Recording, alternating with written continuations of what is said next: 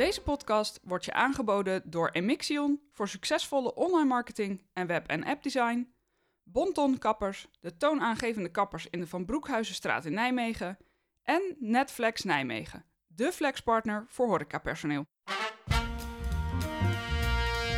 Dit is In, de podcast. Met Raymond Jansen. En een blikje smak met macaroni en tomatenpuree. Daar kun je wel je maag mee vullen. De voedselbank is een, een prima concept, alleen het is nu niet meer van deze tijd.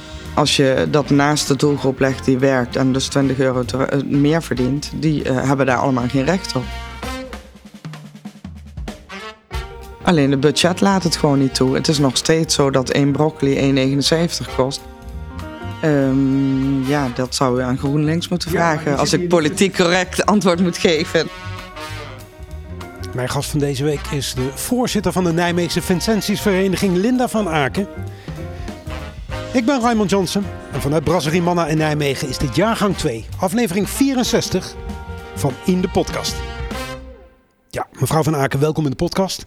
Straks meer over het lokale nieuws, maar eerst een warm welkom aan de nieuwe vrienden van de show. Het zijn mensen die met een financiële bijdrage deze podcast mede mogelijk maken. Wil jij ook helpen? Ga dan naar indepodcast.nl slash petje af en word vriend van de show. Ja, mevrouw Van Aken, ehm, voordat we over uw vereniging gaan praten, eerst, wat is u deze week zoal opgevallen in het lokale nieuws? Eh, wat mij opvalt is dat het eh, veel al gaat over eh, armoede en torenhoge huren en servicekosten die heel erg duur gaan worden, energiekosten die heel erg duur gaan worden. eh, ja, Het zijn natuurlijk allemaal dingen die u in het dagelijks werk, wel werk, u heeft me verteld, bent gewoon Vrijwilligerswerk. vrijwilliger, hè? Oh, daarover straks meer, hè? ja. Dat soort dingen allemaal tegenkomen. We kijken natuurlijk overal naar toenemende lasten voor, voor inwoners. Eh, dat, dat zal uw werk niet bepaald makkelijker maken. Nee, ik moet eerlijk bekennen dat ik eh, nu tien jaar voorzitter ben en me voor het eerst zorgen maak of wij die doelgroep allemaal wel kunnen gaan helpen. Ja, dat legt ook wel wat druk op die vereniging zelf. Eh, maar even wat algemener. Is het echt ernstiger dan, dan u ooit tot nu toe hebt gezien? Ja, ik eh, kom nu regelmatig mensen aan de deur tegen die gewoon niets te eten hebben.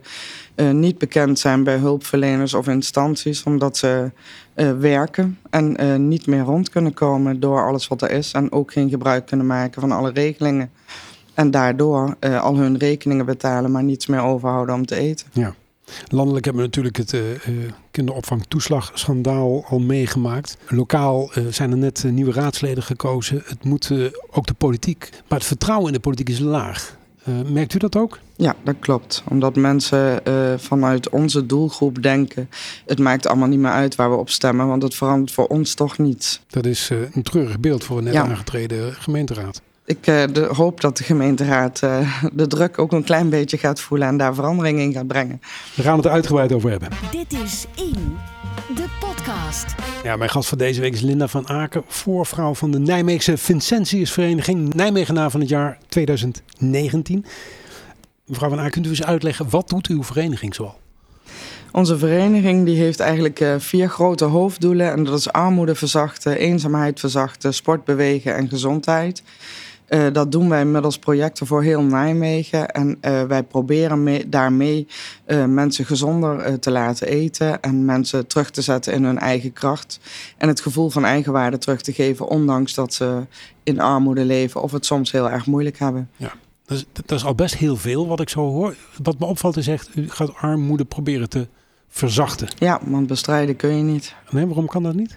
Omdat wij al eh, vanaf eh, 1800 eh, bestaan als Vincentiusvereniging. En eh, toen was er al armoede. En we zitten nu eh 2022 en er is nog steeds armoede. Er zullen altijd mensen zijn die tussen wal en schip vallen... en die overal buiten vallen... en die eh, gewoon in de armoede moeten leven. En Allerlei coaches die zeggen dat het leven maakbaar is en succes een, een keuze. Ja, sommigen eh, komen in een goede wieg en sommigen niet. Zeg maar. Dus sommigen krijgen alle kansen en sommigen niet. En meestal in de doelgroep van ons hangt de wet van Murphy... dat alles misgaat wat maar mis kan gaan. En dan komen deze mensen nooit eh, op een plek waar ze graag zouden willen zijn. Chronische pechgevallen. Ja. ja. Vincentiusvereniging is een landelijke organisatie met afdelingen door het hele land, waaronder in Nijmegen. U bent een jaar of tien inmiddels aan boord. Ja, Wat trof u aan tien jaar geleden toen u, eh, toen u directeur werd? Eh, voorzitter ben ik, Pardon, geen directeur. Niet kwalijk.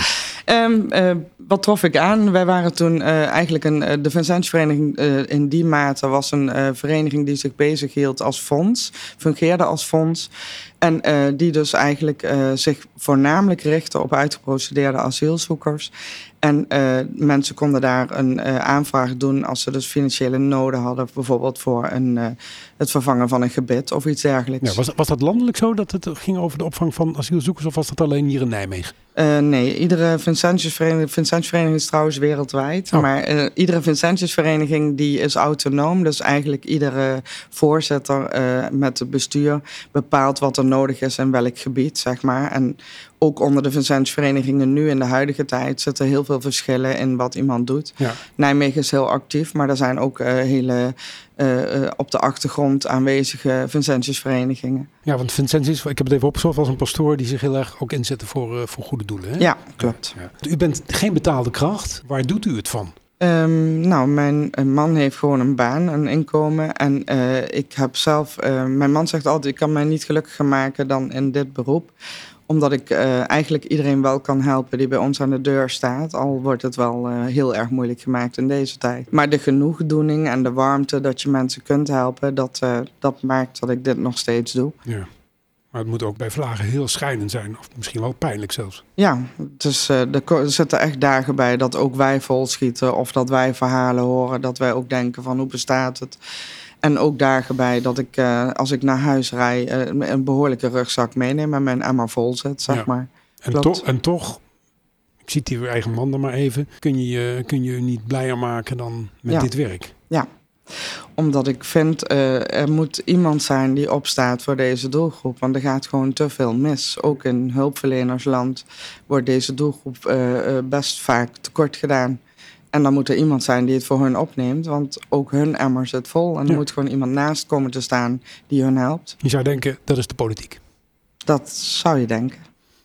Gaan we het straks uitgebreid Ja. over het coalitieakkoord hebben wat mij betreft. Maar de vraag rijst natuurlijk wel, anno 2022. In een, in een eh, eerste wereldland waar dingen goed op orde zijn... moet een vrijwilligersorganisatie in een stad als Nijmegen... misschien wel voor de eerste opvang zorgen als het gaat over armoede. Dat is toch op z'n zachtst gezegd pijnlijk. Dat is ook pijnlijk en dat is ook eh, best wel vaak wordt dat onderkend eigenlijk, hè, wat wij allemaal doen. Ehm, de doelgroep van ons eh, durft bij ons te komen omdat wij geen hulpverlener zijn. Dus wij zien heel veel van de mensen die in de problemen zitten ver voordat een hulpverlener in beeld komt. En dan moet je denken aan organisaties als eh, Veilig Thuis bijvoorbeeld, wat een behoorlijke angstfactor is onder onze doelgroep Ja, waarom is dat? Omdat er eh, hun kunnen eh, hun kinderen afpakken en uit huis plaatsen. Ik zeg niet dat ze dat doen, hè, want Veilig Thuis is een goede organisatie. Alleen door het nieuws en de toeslagenaffaire en het uit huis plaatsen van kinderen worden mensen wel heel bang gemaakt. Dus een, een organisatie als Veilig Thuis kan in onze doelgroep echt als zwarte donderwolk boven hun hoofd hangen. Ja. Stel dat u, uw vereniging zou stoppen met het werk dat u doet. En uw vrijwilligers, hè, want die laten we Ja. die ook vooral benoemen. Zeker. Dat zijn er hoeveel? Eh, inmiddels 80. Kijk, stel dat zij alle 80 besluiten om ermee op te houden en u doet dat ook. Waar kunnen deze mensen dan terecht? Eh, dat is iets wat mij heel veel zorgen baart. Ja, Ik denk op dit moment nergens. er is dus geen vangnet voor, voor de doelgroep die u helpt. Nee, er zijn het, ik ben natuurlijk niet de enige armoedeverzachter in Nijmegen. Er zijn wel meer organisaties die daarmee bezighouden. Ja, noem die eens. Wat, maar voor- de manier waarop wij het doen, zeg maar, eh, dat, ja, dat is, een, een, dat is een, een vak apart. ja, zeg maar. eh, schets dat beeld eens. Wie, wie zijn er in de stad nog meer actief op dat vlak? Eh, we hebben eh, heel veel eh Facebookgroepen. Stichting Gratis kan je elkaar helpen. eh, Free for All, dat mensen dus daar allemaal hulpmiddelen kunnen ja. krijgen. Stichting voor de Minima, dat is een landelijke, maar die doet ook lokaal in Nijmegen wat. Dat zijn zeg maar particuliere initiatieven. Ja, eh, ja, particuliere initiatieven. En eh, daarnaast heb je natuurlijk de Quiet Community in Nijmegen. Maar die hebben een heel ander concept dan dat wij hebben. Die hebben een, een marktplaatsverhouding. En die eh, eh, krijgen een kappersbon en bieden mensen dan een, een knipbeurt aan bij een kapper bijvoorbeeld. En wij zijn eh, van de directe hulp, net als de Voedselbank en als de Kledingbank en Stichting Leergeld. Dat zijn organisaties die zich echt bezighouden midden en tussen de mensen, net zoals wij dat doen. Loopt dat elkaar niet voor de voeten? Want het zijn allemaal go- goed bedoelde, en dat bedoel ik met het meeste respect, hè, goed bedoelde initiatieven. Vanuit compassie gestart, kan ik me zo voorstellen. Maar als het allemaal een eigen plan trekt, eh, dan, dan kan het ook nog wel eens conflicteren misschien. Uh, ja, dat gebeurt ook wel eens. De, wij hebben altijd geleerd in die tien jaar om heel dicht bij onszelf te blijven. Wij weten waar onze kracht ligt in mensen helpen en dat blijven wij doen.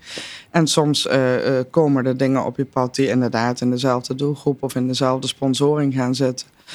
En uh, daar heb je dan wel even last van. Maar goed, dan kun je ook weer door, omdat wij toch weten uh, wat wij doen en ja. waar we voor staan. Fondsen uh, zijn denk ik een hele belangrijke bestaansfactor. Wij leven alleen maar van sponsoring en giften. Ja. We hebben geen subsidie van de gemeente. Alleen als ik een van mijn wilde plannen weer uitwerk en ideeën die ik heb, die kunnen we natuurlijk neerleggen bij het Armoede- en Initiatieffonds van de gemeente Nijmegen. En in de coronatijd hebben wij subsidie gehad van de gemeente. Maar voor de rest bestaan wij van giften en sponsoring. Ja. Is dat een keuze? Uh, in het begin wel, toen ik nog heel klein was, zeg maar. En nu zijn we natuurlijk enorm groot geworden. Ja. Dus nu is het ook een zorg, want uh, uiteindelijk, uh, ja, als er geen geld is, kunnen we ook geen mensen helpen. Nee, projecten worden dus zeg maar op projectbasis gesubsidieerd ja. of, of, gesponsord. Is dat de enige relatie die u hebt met de gemeente? Uh, nou ja, we hebben goed contact met de gemeente. We hebben natuurlijk veel gesprekken met fondsenwervers en met uh, uh, de beleidsmedewerkers van armoede, wethouder van armoede. Dat zijn natuurlijk onze eerste aanspreekpunten. Dus dat is niet het enige contact. Het is wel qua geld. nou ja, we hebben vorig jaar natuurlijk uit de politiek een, een subsidie gehad voor groente en fruit. En dat is natuurlijk, ja, dat helpt ons enorm, dat soort dingen. Ja. En het zou het makkelijker maken als er gewoon genoeg geld was. Want uiteindelijk als ik genoeg geld had, dan wist ik wel wat ik ermee ging doen ja. uh, om mensen te helpen. U heeft 80 vrijwilligers om en erbij, zegt u. Wat doen die mensen zoal in het dagelijks leven? Die zetten zich echt met hart en ziel in. Want zonder hun zijn wij natuurlijk geen verzendjesvereniging. Maar die zetten zich in met hart en ziel om mensen te helpen. Ik heb mensen uh, die werken in een 50 cent winkeltje en proberen daar zo gezellig mogelijk te maken. Uh, omdat daar ook veel mensen naar binnen durven komen en ja. hun vraag neer durven te leggen uiteindelijk. Ik, ik kan me voorstellen uh, dat de prijs van de producten in de winkel 50 cent is. Maar aan wat voor producten moet ik denken? Uh, het is een soort kringloopwinkeltje. Ja, ja. Een, kleine, een kleinschalig kringloopwinkeltje. We hebben geen meubels en dergelijke, maar kleding en spulletjes. En speelgoed, met name spelletjes. Uh, daarnaast heb ik heel veel kookvrijwilligers. Wij koken echt warme maaltijden. In de coronatijd hebben we er zelfs 500 per dag uh, uitgedaan. Uh, wij koken daar voor mensen die, die gewoon het minder breed hebben. En die dus ook zelf niet meer de moeite kunnen nemen om voor zichzelf te zorgen of voor zichzelf te koken. En sportvrijwilligers hebben we. En, en mensen die gewoon echt tassen uitdelen. En die daarmee ook mensen uh, goed in beeld krijgen van waar de hulp nodig is. Ja. ja. de boodschappentas is altijd een dankbaar iets. Weggeefwinkel, weggeefmiddagen doen we dat we spulletjes weggeven, eten weggeven. Ja. En daar zitten allemaal vrijwilligers op. Het, het begon met uh, uitgeprocedeerde asielzoekers. Inmiddels um, is er een oorlog in Oekraïne, zijn de gasprijzen um, astronomisch gestegen.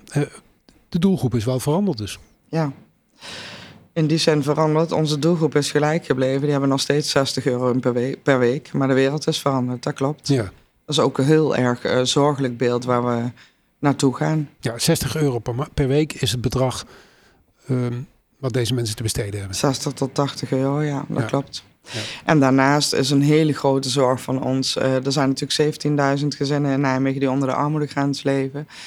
En uh, dat zijn degenen die in beeld zijn. En wij zien uh, de werkende armen, mensen die gewoon 2100 euro tot 2300 euro, soms zelfs 2400 euro verdienen. Ja. Een koopwoning hebben, een hypotheek hebben, uh, ook de enorme energieprijzen hebben, die gewoon niet meer rond kunnen komen. Ja, dat, nu, dat noemen we. Werkende armen, ja. noemen wij dat. Ja. Werkende armen.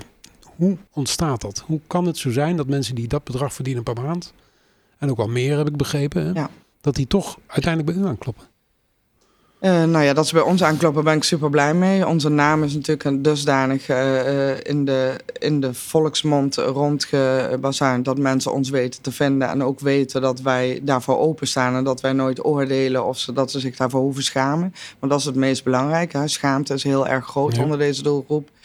Um, daarnaast is het zo dat uh, ja, deze mensen overkomt dit ook. Ook hun uh, hebben een energiecontract wat afloopt. En ook hun gaan van 150 euro per maand energiekosten naar 600 per maand. Ja. En ook hun uh, hebben te maken gehad met de toeslagenaffaire. Ook hun hebben te maken gehad met misschien een eigen bedrijf wat ze opgestart hadden vlak voor corona. Wat helemaal door de lockdown, ja. zeg maar, de vernieling ingegaan is. Nu zijn bedrijven die failliet gaan of die slecht, gaan, slecht lopen, mensen die hun onkosten. Dat, is, dat zijn natuurlijk wel verhalen van alle tijd, toch? Ja.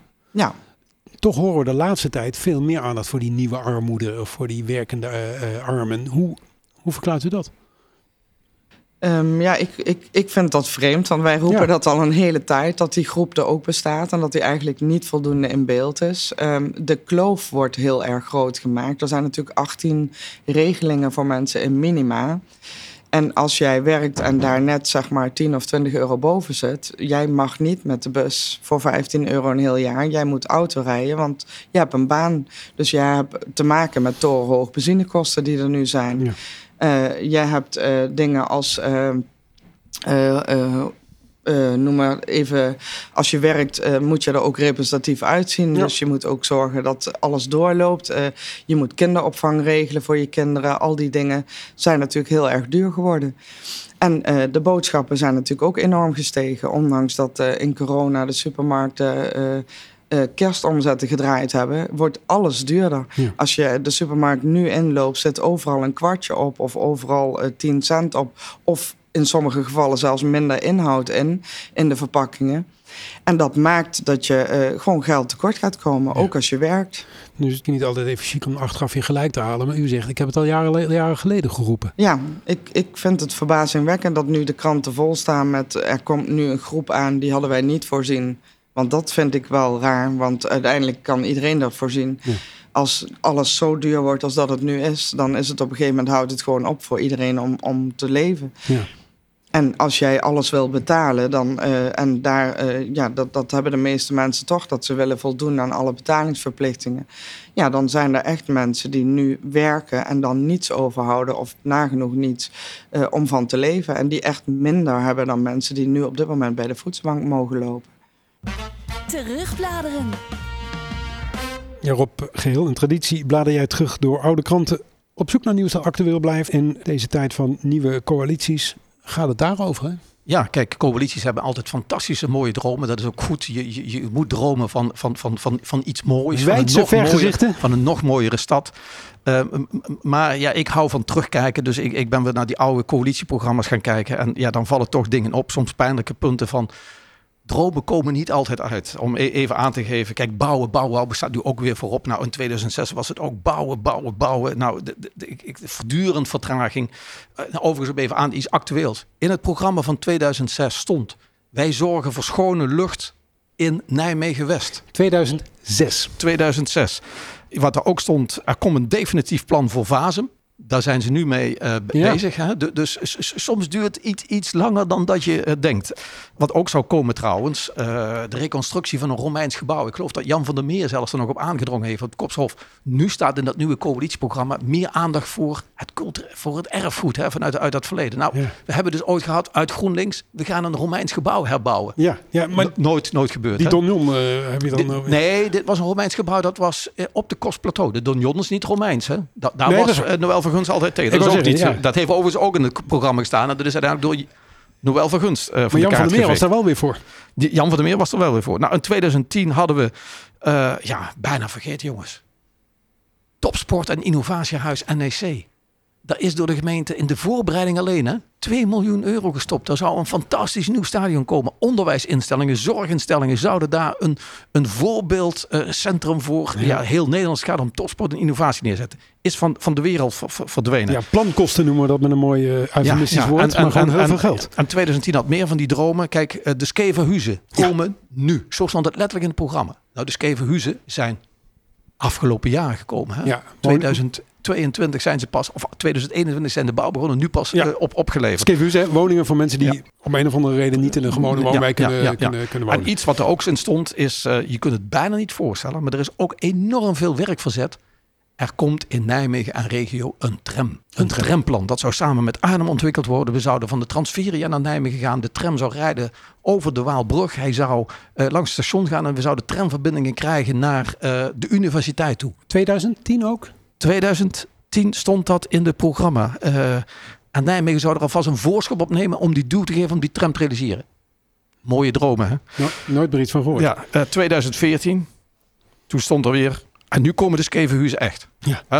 Eh, Hebben we toch wel lang op moeten wachten. Daar, overigens, daar stond, we gaan een aanvalsplan opzetten, schuldhulpverlening. Wat ook nu weer in deze tijd, in een Ja. nieuwe coalitieakkoord, Ja. ook weer een enorme aandacht gekregen heeft. Dus we hebben het niet echt opgelost. Hè? Eh, dus, dus die droom van die aanpak. En wat er ook stond is, eh, we zien kansen voor een markthal in de binnenstad. Ben van Hees is er nog heel Ja. druk mee bezig geweest. Oude V&D-pand, hè? Het oude, nou ja, nee, nee dat, dat is even een beeld geweest, maar ook in de Hertogstraat. Daar zou een, een ruimte zijn. En hij was toen heel erg ver, maar het is nooit van, van, van, van de grond eh, ge- gekomen. Eh, en, en iets overigens wat er ook in stond, en dat stond overigens ook al in voorafgaande coalitieprogramma's. Om even aan te geven, in 2006 stond dat ook al. We gaan coffeeshops in Nijmegen spreiden. Er is zelfs, eh, in 2006 zelfs, stond in het coalitieprogramma, er komt een coffeeshop in Dukenburg Ja. het, het is continu herhaald. En zelfs in het co- coalitieprogramma van 2018 stond weer... we gaan toch weer onderzoeken spreiding van koffieshop. Ja. Dus in drie opeenvolgende coalitieprogramma stond iets over die koffieshop spreiding. In het nieuwe overigens staat er geen woord over. Nee, maar die, in die oude akkoorden stond toch ook dat dat gekoppeld was aan het, eh, aan het uitsterfbeleid van coffeeshops in het centrum? Ja, ja, ja. En, en, eh, maar ja, de spreiding is er nooit gekomen. Overigens, da- daar speelde een belangrijke rol is natuurlijk de burgemeester, die, die, er toch een, een, een rol in speelt. Dus ja, het is in 2014 aangekondigd. En, en ja, overigens in 2014 zei men ook, we gaan meer goedkope en middelduur bouwen. Precies dezelfde formulering als in het nieuwe coalitieakkoord van 2022 staat. Hè? 2014 ook geroepen. Maar dat hebben we toen niet waargemaakt, want er is vooral veel duur bijgekomen. Acht jaar geleden. Eh, acht jaar geleden was dat. En ja, toen stond ook trouwens, we gaan nu echt toch een overleg over de verkoop van het NEC-stadion. Oh ja. Eh, ja, god, sommige dingen duren lang. In 2018 was het, stond er letterlijk. En ja, daar was al tien jaar over gesproken. Maar nu gaan we echt de dorpensingel aanleggen. De dorpensingel, dat is de, de- tussen de A325 en richting eh, Bemmel. Bemmel, De, de, de, ja. de, de- achter het gebied, dat, dat, er is ooit aangedrongen. De dorpsraad Lent wilde dat. Er zijn acties voor gevoerd. GroenLinks was altijd tegen. Uiteindelijk had Harriet Tiemers, die zei van god, we, we- ja, we gaan het doen. En, maar- we gaan het nu aanleggen en het zal aanbesteed worden. Hij is nog steeds niet aangelegd. En wat mij opviel, in het nieuwste coali- coalitieakkoord, Staat er 2022, niets, hè? staat het woord dorpensingel niet meer. De vraag is nu, betekent dat dat we het vergeten zijn, dat het toch niet komt? Of dat we ervan uitgaan, dit hebben we afgesproken, dus dat gaan we doen. Eh, maar, maar het zijn van die dromen zo. En wat er ook stond is, eh, het, het, we gaan echt aan de slag met het warmtenet. Ja. er, er is, eh 2018 werd gezegd, we gaan in, in Bottendaal, in Zwanenveld, in Hengsdal kijken van wat doen we met wa- warmtenet. Er zijn allerlei overleggen geweest. Vervolgens zijn die on hold gezet, want men kwam er niet uit. Eh, er was ja, te veel verzet of mensen wilden hun eigen keus Ja, en niet ja, een centrale aanpak. Nu gaan we weer verder met warmtenet. Er staat een nieuwe coalitieakkoord. En de vraag is, ja, gaan we het echt halen? Dit is In, de podcast. Zo is dat. Mijn gast deze week is Linda van Aken, voorzitter van de Nijmeegse Vincentiusvereniging. Ik hoor u zojuist vertellen, mevrouw van Aken, er zijn eh, eh, in toenemende mate mensen die een beroep doen eh, op uw organisatie. U zegt, dat heb ik eigenlijk al eh, een hele tijd geleden voorspeld dat dit zou gaan gebeuren. Ja, dat klopt. Eh, het is natuurlijk. eh, eh, eh, een- eh, mensen gaan eh, zich steeds eh, meer beseffen dat eh, alles zo enorm duur wordt en dat ze daar niet meer eh, van rond kunnen Ja. komen. Kunt, u- kunt u een voorbeeld geven? En ik snap dat, het, eh, dat u het zo anoniem mogelijk wilt, eh, wilt houden. Maar de, de traditionele armen, zeg maar. Mensen met een, met een uitkering, mensen die in de problemen zijn. Dat is een doelgroep die u denk ik al heel lang kent. Ehm, kunt u schetsen hoe zo'n gezin of zo'n zo'n situatie eruit ziet?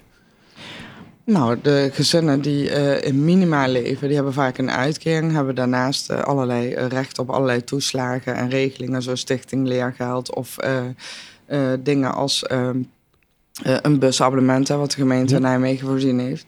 En als je dat naast de doelgroep legt die werkt en dus 20 euro meer verdient, die hebben daar allemaal geen recht op. Nee. Dus die kosten moeten hun extra maken. Als hun kind wil sporten, dan zijn dat behoorlijke kosten, zeg maar. Ja, ja. Maar dan hebben we het al over die wat meer welgestelde armen, Ja. om het zo te noemen. Die, die, die zijn dus eigenlijk het slachtoffer van die min of meer arbitraire grens tussen wel of niet in aanmerking komen voor een, voor een regeling. Ja.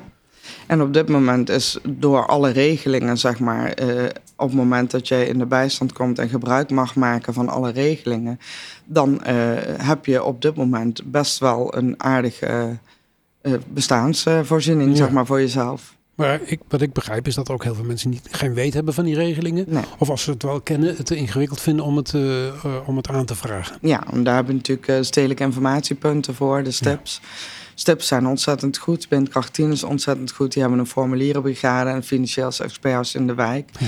En eh, daar kun je mensen dus direct naartoe verwijzen. En mensen kunnen dus ook eh, meekijken of ze alle toeslagen al krijgen. Of ze recht hebben op andere dingen Ja. waar ze nog niet aan gedacht hebben. En dat is een ontzettend mooi concept. Als we het dan hebben over die, eh, die werkende armen. Hoe, dat is een gezin met een modaal inkomen, met Ja, kinderen, met, een, kinderen. met een sportvereniging. Die waren ook voordat de oorlog in Oekraïne uitbrak en de gasprijzen dramatisch stegen. Die waren ook al bij u in beeld dus. Die waren ook al in beeld. En dat zijn dan eigenlijk mensen die toen dat tijd net het konden redden en soms niet. En dat zijn mensen die het nu gewoon niet meer redden. Ja. Dus die werken, die hebben een salaris en die kunnen dus toch nog niet rondkomen. Nee. Waar zit dan de essentie van dat probleem? In alle torenhoge kosten die nu komen. In de boodschappen die heel veel duurder worden zijn. De benzine, eh, de energieprijzen. En wie heeft de oplossing daartoe? Eh, ik hoop dat de politiek daar nu iets mee gaat doen, zeg maar. Want dat werkende armenstuk is een stuk wat, wat eigenlijk is blijven liggen. En Ja. ik hoop dat ze gaan kijken naar alle regelingen die er zijn voor minima. Of ze daar iets in kunnen eh, verzinnen dat ook deze doelgroep ergens terecht kan. Ja. En als je kijkt naar corona, om even een paar voorbeelden te noemen. Als jij startende ondernemer was voor corona, kon jij geen gebruik maken van welke regeling dan ook. Maar ook jij hebt torenhoge kosten. Ja. En eh, jouw winkeltje en jouw eh, kleding die je een jaar van tevoren in moet kopen, dat, dat komt allemaal. Alleen, ja, jij kon niet gebruik maken van de regeling die er waren omdat je startende ondernemer was. Nee. En dat soort mensen vallen dus echt tussen wal en schip. U noemde het straks al, hè? er is ook een voedselbank, er is ook een kledingbank. Ja. Allemaal initiatieven om mensen dus Ja. in armoede wat te verzachten. U bent wel wat kritisch op die, op die bijvoorbeeld op de voedselbanken. Ja, ik vind eh, als mensen zo in armoede leven, vind ik dat zij een pakket zouden moeten kunnen krijgen. Wat eh, gewoon drie volledige maaltijden bevat. Het is een aanvulling op je leefgeld, zegt eh, de voedselbank. Er zijn op dit moment heel veel gezinnen die geen leefgeld krijgen, omdat eh, de energiekosten te hoog zijn. En de bewindvoerder gewoon simpelweg geen geld heeft om over te maken. Ja, ja, dus dat betekent een situatie waarin eh, de, alle inkomsten die er zijn, die gaan naar een bewindvoerder. Ja. Die bepaalt waar het geld naartoe gaat. Ja. En dan komt bijvoorbeeld zo'n voedselbank in beeld. En, en nou ja, Daar krijgen ze dan een pakket, maar Ja. dat is dan het enige. Ze hebben dus niet geld daarnaast om dat pakket aan te vullen. nee, oké. En eh, de voedselbank is een, een prima concept. En vroeger heeft dat heel goed gewerkt. Ik vind alleen het is nu niet meer van deze tijd. Nee. Mensen hebben meer nodig dan wat daarin zit. Voedselbank is natuurlijk afhankelijk van eh, donaties, dat is ook begrijpelijk. Eh, dat is hun, hun kracht, voedselverspilling tegen te gaan. Dat is ook een supergoed initiatief natuurlijk. Alleen er komen steeds meer voedselverspillingsinitiatieven bij, als Too To Go en Voedselsurplus. En dat zijn eh, initiatieven die ervoor zorgen dat de voedselbank minder producten gaat krijgen. En waardoor de pakketten soms ook minder worden. Eh, net zoals wij eh, te kampen hebben met te weinig groente en fruit, heeft de voedselbank dat natuurlijk ook. Dus er zijn ook gezinnen die, die dan eh, ja, ook daar niet voldoende fruit krijgen. om bijvoorbeeld op een gezonde school twee stuks fruit per dag mee te kunnen nemen. Nou, dus eigenlijk zegt u, voedselbank is te eenzijdig. Om, om een goed aanbod aan, aan, aan eten en groente en fruit eh, eh, te kunnen Ehm, aanbieden. Nou, te eenzijdig. Ik, ik zou graag zien dat de pakketten eh, zodanig gevuld werden dat mensen daar ook echt een maaltijd van konden maken. Nu is onlangs het, het nieuwe coalitieakkoord gepresenteerd. Daarin is veel aandacht voor armoedebestrijding, maar ook voor kansengelijkheid. Er werd één concreet ding genoemd. Dat komt uit het, eh, is afkomstig van het CDA, dus niet van de, een van de coalitiepartijen. Dus dat gratis groente- en fruitinitiatief. Hoe, Ja. kijk- hoe kijkt u daarnaar? Nou, ik vind dat een super initiatief. We hebben natuurlijk ook gebruik mogen maken vorig jaar samen met de Voedselbank van hun motie voor groente en fruit. En eh, wij kunnen dan mensen voorzien van groente en fruit, zodat ze mee kunnen op school met het eh, gezonde schoolstuk. Ehm, daarnaast is het zo dat het bewezen is, ook als mensen dagelijks groente en fruit zouden kunnen krijgen. We hebben daar ook pilots mee gedraaid. Dat mensen gewoon, eh, dat hun kinderen zeg maar betere leerprestaties hebben op school. Dat hun kinderen minder vermoeid zijn. Dat ze zelf meer energie hebben. Het is zo dat mensen eh, heel graag gezond willen leven, ook als ze in armoede leven. Ja. Alleen de budget laat het gewoon niet toe. Het is nog steeds zo dat één broccoli 1,79 kost. En een zak van 2,5 kilo patat kost ook 1,79. Ja. En een blikje smak met macaroni en tomatenpuree. Daar kun je wel je maag mee vullen. Ja. En met één broccoli niet met je gezin. Dus gezonder word je er niet op. Het is een, Nee. Het is een, zeg maar een soort van snelle oplossing voor een Maagvulling, Ja. dikmakers, dat zijn het. Koolhydraten. Dat, eh, en het is niet dat onze doelgroep niet heel graag gezond zou willen eten. Maar als de keuze gemaakt wordt van ik vul de buik van mijn kinderen... of ik stop er een appel, een mandarijn of een broccoli in... ja, dan is de keuze sneller gemaakt om de buik te vullen. In het voorgesprek zei u ook bijvoorbeeld dingen als eh, roken. Is ook een quick fix, zoals u dat noemde. Hè? Ja, het is eh naar aanleiding van de studie van Maria van der Muisberg... is eigenlijk dat... eh, Huisarts in Nijmegen. Hè? Ja. Die doet heel erg veel onderzoek naar mensen die leven onder de dagelijkse stress van armoede. Is ook onze ambassadeur geweest van het Beleefhuis en eh, van onze beweegtuin. En zij eh, heeft ook aangetoond dat op het moment dat mensen onder deze dagelijkse stress van armoede leven, en dat duurt gemiddeld drie tot vijf jaar voordat mensen eh, in beeld komen, en dan nog eigenlijk drie jaar voordat ze eruit zijn. Dus dik acht jaar zitten mensen in deze stress van Ja. zo weinig geld in de week en toch goed rond moeten komen. Eh, dat hun impulsieve geheugen het overneemt. En dat ze gaan voor quick fixes. En dat ze gaan voor geluksmomentjes. En eh, geluksmomentjes om juist te kiezen. Eh sigaretten roken is ook een geluksmomentje. Want er is heel veel ellende. En op het moment dat jij een sigaretje kunt roken, kun je even een paar minuutjes apart staan. En even alles vergeten en van je afblazen. Ja. En de oordelen en stigma's die mensen daarop hebben, die zijn eigenlijk vreselijk. Maar die worden natuurlijk in stand gehouden door programma's zoals Steenrijk, Straatarm. Wat ook vreselijke programma's zijn naar mijn mening. Want het is allemaal in scène gezet om maar even eh, aapjes te kijken naar onze doelgroep. Zoals ik dat dan altijd mooi noem. Eh, dat zijn echt programma's die ervoor zorgen dat mensen ook dat gaan geloven. En dat mensen ook dat beeld krijgen van mensen in armoede. Ja. En er zijn natuurlijk mensen die in armoede terechtkomen die het daar zelf naar gemaakt hebben. Dat ga ik niet ontkennen. Of die daar zelf eh, eh, eh, problemen voor opgezocht hebben. Nee. Maar er zijn ook heel veel mensen die in armoede komen die daar helemaal niets aan kunnen Nee. doen. Je partner kan overlijden en dan kom je in armoede omdat je geen begrafenisverzekering had. Dat kan bijvoorbeeld. Ja. De toeslagenaffaire had niemand voorzien. Nou, en uiteindelijk kiest natuurlijk niemand ervoor om, Nee, zo te om in de leven. armoede terecht te komen. En als iemand de, de fouten gemaakt heeft, dan nog is hij niet veroordeeld voor de rest van zijn leven. En als er kinderen in het spel zijn, moet je ook daar doorheen kunnen kijken. Ja, u zegt nadrukkelijk, wij oordelen niet. Nee. Dat is ook nog wel lastig, ook kan ik me voorstellen. Ja, want uiteindelijk, eh, er is niemand die denkt: vandaag sta ik op en ga mezelf enorm in de schulden steken. Nee. En dat beeld wordt soms wel geschetst dat mensen dat doen. In het eh, coalitieakkoord, eh, John Brom van de Stadspartij is wethouder geworden voor onder meer armoedebestrijding. De coalitiepartijen schrijven het coalitieakkoord eh, om te zorgen dat minder Nijmegenaren in geldproblemen komen, plussen we armoedebeleid en de schuldhulpverlening op. Met andere woorden, meer geld daar naartoe. Is dat een oplossing? Eh, nou, ik denk een inzet in financieel experts en formulieren begaan dat dat wel degelijk een goede oplossing is, want die kunnen mensen verder helpen. Ja. Ik denk dat daarnaast wel gekeken moet worden. Eh, ze kijken altijd naar een boveninkomensgrens en misschien moeten ze eens kijken naar wat mensen onderaan de rit overhouden. Want dat is bij veel mensen, dat maakt het verschil. Je inkomen kan nog zo goed zijn, maar iemand die een hoog inkomen heeft en een huur heeft in Lent van 1300 euro en ZZP'er was en zijn baan verloren heeft. Het is toch bizar dat iemand eh, aan het hoofd van een vrijwilligersorganisatie dat om niets moet gaan doen. Ja. In, in een gemeente met een begroting zo groot als die in Nijmegen is. Ja, dat klopt. Maar goed, de, iemand moet het doen. Dat is heel nobel van u, maar het probleem is er niet meer opgelost. Dat we Nee. zeggen, uw werk doet natuurlijk, voegt natuurlijk veel aan toe. Maar laten we wel wezen, het is natuurlijk gewoon iets waar de politiek een taak in heeft. Ja. Pakken zij die, die voldoende, vindt u? Ehm, nou, als ik ehm, mag refereren aan het stukje vorig jaar met eh, eh, een partij als GroenLinks over menstruatiearmoede, dan denk ik dat ze de, dat niet pakken. Want uiteindelijk eh, zijn wij van tevoren niet benaderd of gevraagd van wat doen jullie Nee. hier eigenlijk in. Hadden ze wel door dat u er was? Eh, ze kenden ons wel heel goed, ja. Dat, eh, ja, zeker. Maar ik kan me een kamerronde herinneren waarin een woordvoerder van GroenLinks aangaf dat ze wel een, een, eh, oplossing wilden zoeken voor menstruatiearmoede. Hè? Dus vrouwen Ja. die geen geld hebben voor menstruatieproducten en dus niet gaan werken of niet naar school gaan. Die oplossing heeft u gewoon al. Die biedt u Die al. was er al, ja. Ja. En niet alleen ik. Dat doet eigenlijk het Landelijke Fonds, het Armoedefonds. Ja. Daar kun je gewoon... Iedereen kan een menstruatie-uitgiftepunt worden in Nijmegen. Ik hoop ook dat heel veel mensen dat gaan doen. Maar is, is GroenLinks dan niet goed geïnformeerd?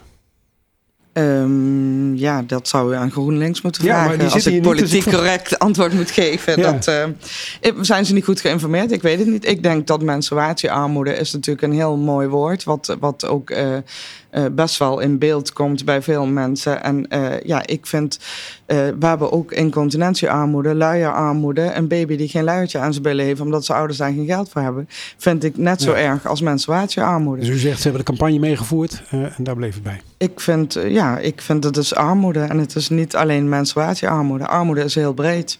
Bent u hoopvol wat betreft het nieuwe akkoord? Ehm, hoopvoller dan dat ik van tevoren was. En we hebben natuurlijk een bijdrage gegeven om op 24 mei een deel van de gemeenteraad uit te Ja. nodigen bij ons eh, in onze locatie op de Horstakker. En eh, daar hebben wij eh, toch wel behoorlijk beeld neergeschetst van de werkende armen en ook van de problematiek die gaat ontstaan en gaat komen. Het is voor ons altijd lastig, een nieuwe gemeenteraad maakt dat wij ons weer opnieuw moeten voorstellen. En nou ja, dat maakt het soms lastig. Ik Ja. heb dan het gevoel dat we eh, weer een stap achteruit doen voordat we weer met de neuzen allemaal eh, dezelfde kant op staan. Tot slot, welke tip zou u de gemeenteraad willen meegeven de aankomende vier jaar om behalve de mooie voornemens uit het coalitieakkoord ook echt iets te gaan doen aan dit probleem? Ehm, vlak de werkende armen niet uit. Want die groep is echt vele malen groter dan de groep die in beeld is. Dat is één tip. En ik denk, eh, ja, blijf de Vincentiusvereniging heel veel bezoeken. Ehm, en ja, wij leven dus van sponsoring. Dus misschien dat de gemeenteraad daar ook eens naar kan kijken. Inmiddels zijn wij zo groot en hebben vier panden. eh, hebben daar ook heel veel bezoekers. Eh, dus misschien dat de gemeenteraad ook eens zou kunnen kijken Ja. of de Vincentiusvereniging zo ondersteund kan worden. Ja. We hebben ook dit jaar voor het eerst dat wij automatische incasso's eh, kunnen geven. Dus dat mensen een SEPA-formulier in kunnen vullen of via de website. En dat ze dus maandelijks geld kunnen storten. Wij hebben projecten als Omarm een gezin, waarbij mensen voor 20 euro per maand eh, elke maand groente en fruit kunnen krijgen. Het zijn voor sommige mensen hele kleine bedragen. En voor anderen is het de hele wereld Ja. van verschil. Wil men meer weten? Waar kunnen ze meer informatie vinden? www.vincentiusnijmegen.nl of gezellig langskomen in de Horstakker 1451 bij de Vincentiusvereniging. Tot slot kun je er niet genoeg van krijgen. Wil je nog meer lezen over de Nijmeegse politiek? Ga dan naar inepodcast.nl slash mailing. Geef je daarop. Dan stuur ik je elke week een e-mail met van alles wat je niet hoorde in deze podcast. En dit was in de podcast voor deze week. Redactie en productie waren in handen van Rob Jaspers en mijzelf. Ik ben Raymond Jansen. Montage en nabewerking Thijs Jacobs. En heb je nou vragen voor ons? Mail dan naar redactie.inepodcast.nl. Ook voor suggesties voor onderwerpen of gasten. Volgende week, dan zit Rob Jaspers hier weer. Dit is In, de podcast. Genoten van In de podcast? Luister ook eens naar de Euregio podcast. Ook een productie van Raymond Jansen. Een podcast over wonen en werken in de grensstreek. Te beluisteren via alle populaire podcast apps.